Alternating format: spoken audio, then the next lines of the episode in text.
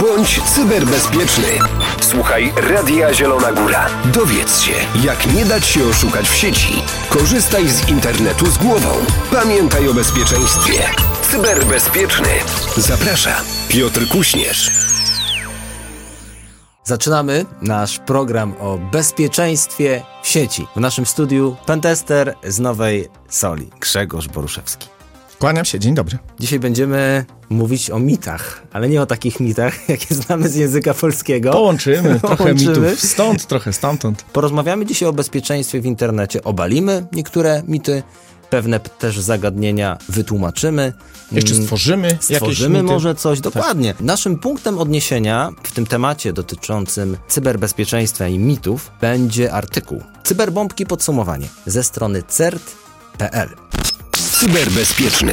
Zaczynamy. Dlaczego zielona kłódka przy adresie strony internetowej nie gwarantuje bezpieczeństwa? Dlatego, że nic nam nie gwarantuje bezpieczeństwa. To by było najprostsze i moglibyśmy spokojnie z czystym sumieniem przejść do następnego pytania, ale oczywiście nie byłbym sobą, jakbym troszeczkę nie rozwinął. Zielona kłódka, fajnie w ogóle, że zaczynamy zwracać uwagę na to, że tam w ogóle jakaś kłódka jest i że do tego jest zielona i zamknięta. To jest bardzo ważne. Z punktu widzenia nieco technicznego, ta kłódka zamknięta, zielona czy jakakolwiek inna, ważne, że zamknięta, mówi nam, szyfrowanie czy komunikacja z tą stroną internetową będzie bezpieczna. Wszelkie dane, które my za pośrednictwem tej strony internetowej otrzymamy oraz co ważne, wszelkie dane, które my wyślemy za pośrednictwem tej strony internetowej będą szyfrowane. Nikt nam ich nie ukradnie po drodze, ale bez odpowiedniej weryfikacji nie jesteśmy w stanie sprawdzić tego, do kogo my te dane wysyłamy. Dopóki nie upewnimy się, że ten adres, który jest wpisany w pasku adresu odpowiada tej stronie internetowej, z którą właśnie chcieliśmy się komunikować, to ta kłódka może nawet yy, lśnieć tak, że nas oczy będą boleć,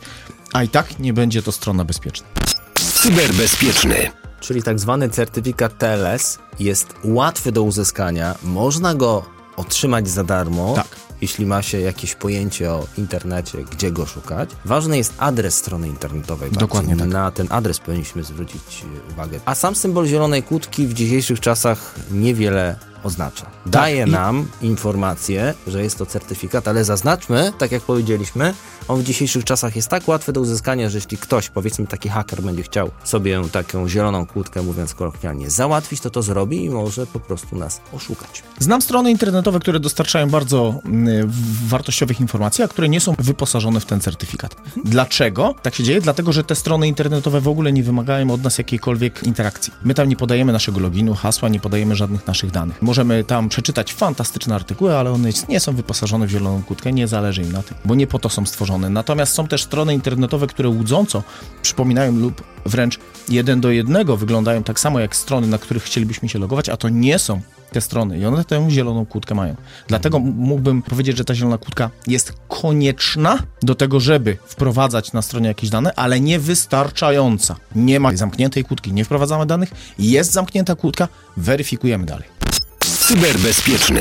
Teraz pytanie, które wzbudziło bardzo dużo emocji, kontrowersji, jeśli tak mogę powiedzieć, bo rozmawialiśmy na ten temat przed wejściem Tak. na antenę. Pytanie jest dość, mogę powiedzieć, takie podchwytliwe. Dlaczego nie trzeba obawiać się publicznych sieci Wi-Fi? Bo nas nie zjedzą i nas nie zbiją. To na To, pewno. to, to już, to już y, możemy spokojnie podchodzić do publicznych sieci Wi-Fi. Natomiast zapytajmy tak naprawdę, czym w ogóle jest publiczna sieć Wi-Fi. Jeżeli powiemy, że publiczna sieć Wi-Fi to taka, z której możemy skorzystać podłączając się do takiego na przykład hotspota i nie jest to sieć, za którą sami płacimy, to nie jest nasza sieć domowa czy sieć firmowa, czyli wychodzimy na przykład dzisiaj na Deptak i tam mamy dostępne różne sieci, wiemy, że możemy się do nich podłączyć. nasz- Nawet nie trzeba żadnego hasła wpisywać, Tak, dodajmy. Po nadal. prostu się połączyć. Dokładnie tak. To to myślę, że spełnia takie mm, kryteria tej sieci, o której będziemy mówili, że jest to sieć publiczna, czyli publicznie dostępna. I teraz, dlaczego moglibyśmy się jej obawiać? To nie jest sieć, nad którą my lub nasz usługodawca, zaufany, z którym mamy podpisaną umowę, mamy kontrolę. I ja tutaj polemizowałbym nieco z autorami tego artykułu, dlatego że internet, jeżeli ma być bezpieczny, to on musi być w pełni otwarty dla użytkownika, który nie musi być ekspertem. I jeżeli ja dzisiaj powiedziałbym Państwu, korzystajcie śmiało z każdej publicznej sieci, ona jest na pewno bezpieczna, to zrobiłbym bardzo duży błąd, to byłoby gigantyczne nadużycie z mojej strony. Bo argumentem za tym, że publiczne sieci Wi-Fi już w dzisiejszych czasach przeważającej większości są bezpieczne jest to, że teoretycznie każda publiczna sieć Wi-Fi powinna być szyfrowana. Czyli żeby się do niej dostać, potrzeba klucza. Tylko też nie możemy powiedzieć w 100%, że zawsze jak logujemy się do publicznej sieci Wi-Fi, to, to jest ona szyfrowana, bo to, to by było mm, duże nadużycie z naszej strony. Z punktu widzenia cyberprzestępcy mógłbym dzisiaj wyjść na deptak, udostępnić swojego hotspota i to już byłaby sieć publiczna, ale dodatkowo mógłbym go tak skonfigurować, żeby nawet po wpisaniu adresu google.com pojawiła się strona, którą ja kontroluję, a nie którą kontroluje Google. Ona Czyli będzie łudząco podobna do Google, ale nie będąca Google. Dokładnie tak. I o tyle jest to niebezpieczne, że ten adres w polu wyszukiwarki już mógłby wyglądać dokładnie tak samo jak Google.com. Na przykład w pociągach. Zdarza się, że korzystamy z sieci Wi-Fi w pociągu, e, wpisujemy jakiś adres, e, będąc święcie przekonanym o tym, że to jest rzeczywiście strona, z której chcemy korzystać, a to nie jest strona, z której chcemy korzystać. I teraz co jest ważne? Znowu, banał, ale jednak skuteczny. Zwracamy uwagę na zamkniętą kłódkę i adres strony internetowej. One występują w komplecie. Taka ciekawostka, nigdy nie będzie tak, żeby zamknięta kłódka i występujący razem z nią adres strony internetowej. Jeżeli one, oba te elementy będą prawidłowe, czyli kłódka będzie zamknięta i adres będzie prawidłowy, to wtedy mogę powiedzieć, że z prawdopodobieństwem graniczącym z pewnością mamy do czynienia z prawidłową stroną internetową. To tak jak z fortecą. Im więcej tak. zasiek, tym lepiej. Jest most zwodzony, są pale. Cyberbezpieczny.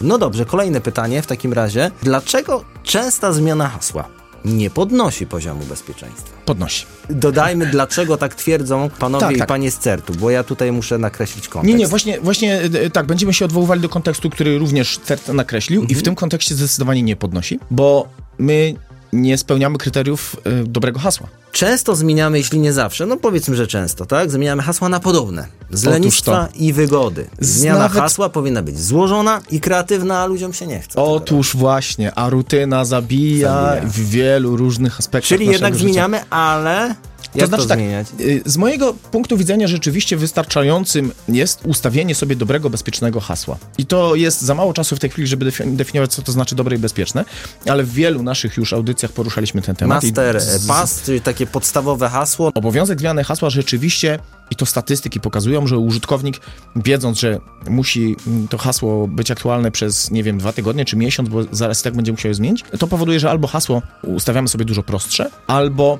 hasło każde kolejne jest na przykład, nie wiem, moje skomplikowane hasło 1, albo moje skomplikowane hasło styczeń, moje skomplikowane hasło luty. Ono jednak nosi znamiona rutyny, powtarzalności, a jeżeli cokolwiek nosi jakiekolwiek znamiona, to znaczy, że już jest to ułatwienie dla osób, które mogłyby spróbować skompromitować nasze zabezpieczenie. Cyberbezpieczny. Kolejne pytanie. Dlaczego temat cyberbezpieczeństwa dotyczy każdego z nas? Dlatego, że każdy z nas czy nam się to podoba, czy nie, i czy się na to decydujemy świadomie, czy nie, egzystuje w cyberświecie. Tak samo jak każdy z nas, czy nam się to podoba, czy nie, może wpaść pod koła samochodu. Oczywiście absolutnie nikomu tego nie życzę. Ani tego, żeby wpadł pod koła samochodu, ani tego, żeby miał do czynienia z cyberprzestępcą. Ale dzisiaj świat jest tak skonstruowany, że nasze dane, które powierzamy czasami nawet nie w pełni świadomie, są dostępne w różnych bazach danych, Nasze usługi, z których korzystamy, są dostępne poprzez internet.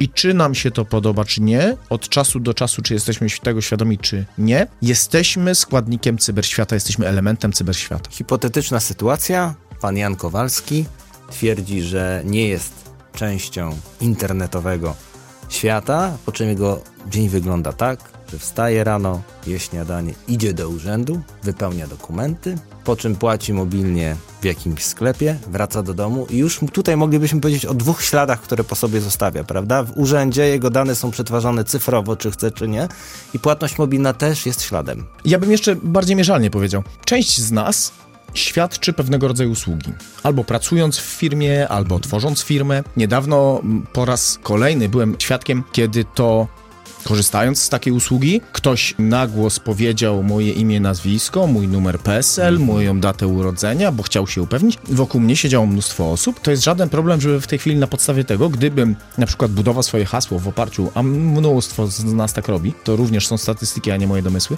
Mnóstwo z nas, z nas tak robi, że na podstawie imienia, nazwiska, numeru PESEL albo jakichś danych prywatnych konstruuje swoje hasła, to to już byłaby fantastyczna okazja do tego, żeby spróbować odgadnąć moje hasło. Tak jest, i wziąć na przykład chwilówkę. Tak. Cyberbezpieczny. Uważajmy w takim razie na siebie, na swoje dane, obalajmy mity na co dzień, dokształcajmy się, czytajmy ciekawe artykuły. Myślę, że warto wejść na stronę cert.pl, tam pracują profesjonaliści, wiedzą o czym piszą.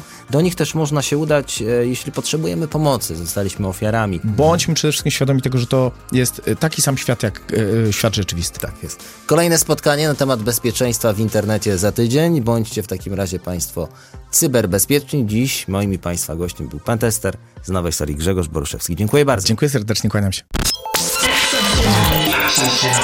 Bądź cyberbezpieczny. Słuchaj Radia Zielona Góra. Dowiedz się, jak nie dać się oszukać w sieci. Korzystaj z internetu z głową. Pamiętaj o bezpieczeństwie. Cyberbezpieczny. Zaprasza Piotr Kuśnierz.